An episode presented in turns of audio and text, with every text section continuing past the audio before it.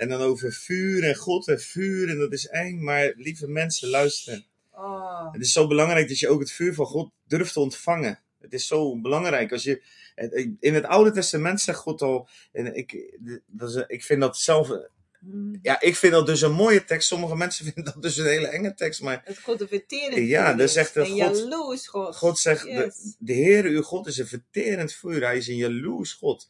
In Deuteronomium 4 vers 24. Daar openbaart God zich al als een jaloerse God, maar die als een verterend vuur is. Maar lieve mensen, wat, wat is dat fantastisch. Dat God dus zo jaloers is, dat hij de geest die hij in ons doet wonen, zegt Jacobus, begeert hij met jaloersheid. Ik heb dus een. God in de hemel die is zo trots, zo enthousiast, zo verlangend naar mij. Hij is jaloers, heilig jaloers, dat alles wat ik ben ook van dat. hem wordt. En Romeinen dat. 12 vers Oh, 1, onze levens als lichamen, als een welriekend offer. God antwoordt op offers met vuur. In het Oude Testament ook, God is een God van vuur. Hij, hij, hij wil ons Oh, reinigen. Hij wil ons heiligen. Hij wil ons apart zetten. Hij, hij brandt weg wat niet van hem is. Hoe heerlijk is dat, dat we God hebben. Lieve mensen, ik begrijp hoor. En misschien ook door de dingen die je meegekregen hebt in je, in je kerk of dingen. Maar als je je uitstrekt voor een brood, en in dit geval het vuur van God. Dan mag je Mm. erop vertrouwen dat het vuur wat hij geeft ook van God is. En dat hij je vult met enthousiasme, dat hij je vult met passie. En, en ik zag een keer ook een vraag voorbij komen. Het van ja, mensen niet telkens opnieuw. Ja, telkens opnieuw. In het Oude Testament al, hè, het vuur, wat God stak maar één keer het vuur aan. Kan je Mm. nalezen. In, ehm, in Leviticus staat dat volgens mij. Ik kan dat Ja. even opzoeken of ik dat zo kan vinden voor je. Maar in-. In Leviticus, daar laat eh, God het vuur uit de hemel. Eh, Leviticus 9, vers 23 en 24. Ja. Daar laat God het vuur uit de hemel komen. En dan staat er vervolgens dat. en de, dus het vuur ging van het aangezicht van de Heer, verteerde het brandoffer en de vetdelen op het altaar. En toen heel het volk dit zag, juichten zij ze en wierpen zich met het gezicht ter aarde. Maar dan vervolgens staat er dit in Leviticus 6. Het vuur op het altaar zal brandende gehouden worden en mag niet uitgaan. Wow. Het vuur op het altaar moet brandende gehouden worden. Dat is een verantwoordelijkheid die God bij de priesters legt in het Oude Testament.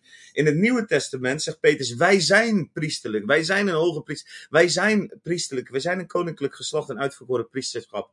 Wij moeten het vuur brandend houden. We moeten ons voortdurend bezighouden met dat wat niet van God is als brandstof te geven Wow. aan God. We moeten ons voortdurend houden ook dat van wel van God is opnieuw als brandstof aan te bieden aan God, zodat dat vuur wat op handelingen, in handelingen 2 letterlijk op de mensen daalde, tongen van vuur, eenmalig is dat, hè, is dat neergekomen. Wij moeten het brandend houden. Ja. Ja. Dus wij moeten ons uitstrekken naar de gave. Streef naar de gave. Jaag naar de liefde. Streef naar de gave. Het, het is een, iets waar God ons in uitdaagt. Wij, het volk, het vuur op het altaar zal brandende gehouden worden. Het mag Mm. niet uitgaan. Daarop zal de priester elke morgen hout aansteken, het brandoffer schikken, de vetstukken van het offer in rook doen opgaan. Het vuur zal voortdurend brandende gehouden worden. Lieve priester, ik spreek je aan in je priesterschap. Nieuwtestamentische priesterschap wat jij hebt gekregen van God. Hou het vuur brandend. Handelingen 2. Het vuur kwam uit de hemel. Iedereen werd gedood met de Heilige Geest. Handelingen 4. Ze roepen opnieuw naar de hemel. Heer, geef ons uw Heilige Geest. Heer, geef ons uw Heilige Geest. Mm. Het is de roep van elke dag geweest in het leven van Paulus. We hebben uw Heilige Geest nodig. Het is voortdurende vervulling. Het is een voortdurend brandend houden van het vuur. Ja. En als we dat verwaarlozen, want natuurlijk, er zijn kerken waar ze zich wel uitstrekken naar de Heilige Geest.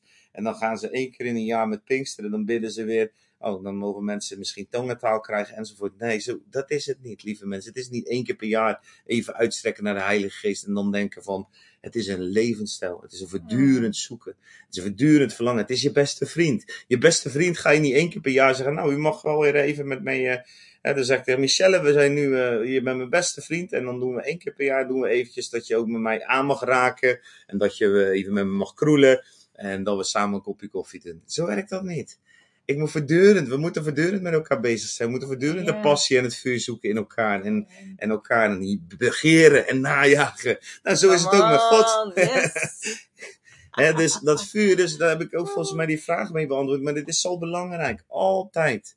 Elke morgen mogen we onder. Hier staat dan in het Oude Testament elke morgen, dat was natuurlijk de priesterdienst. Maar het is een goede gewoonte om elke morgen je leven aan te bieden. Als, als, als- om geteerd te worden door het vuur van God. ja. Want wat is er mooier dan dat wij verteerd worden? Want als ik minder word, wordt hij meer. Hè? Johannes de Doper bidt het ook. Laat mij minder worden en hij meer.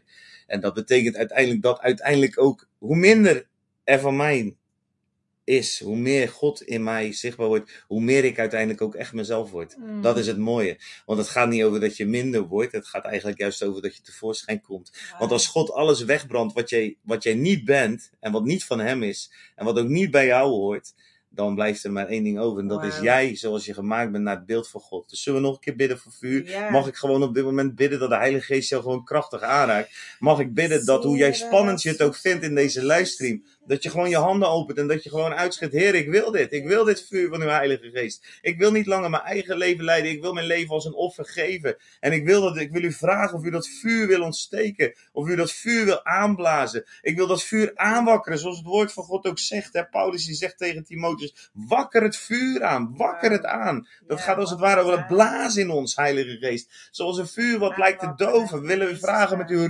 We willen u vragen de adem van God om in ons te blazen. Zodat het aangewakkerd zal worden in de naam van Jezus. We hebben u nodig. We hebben u nodig. Halleluja. Halleluja. Dank u Laten we Jezus. een moment stil worden. Laten we gewoon dat Oeh. vuur uitnodigen om ook echt alles te verteren wat nog eh, verteerd mag worden in jou. God, Ja. God is hier en God is met jou. Laten we gewoon stil worden en eh, Jezus. zeg maar gewoon ik geef me aan u en doe met uw heilige geest vuur wat u wilt doen. In Jezus naam. Jezus.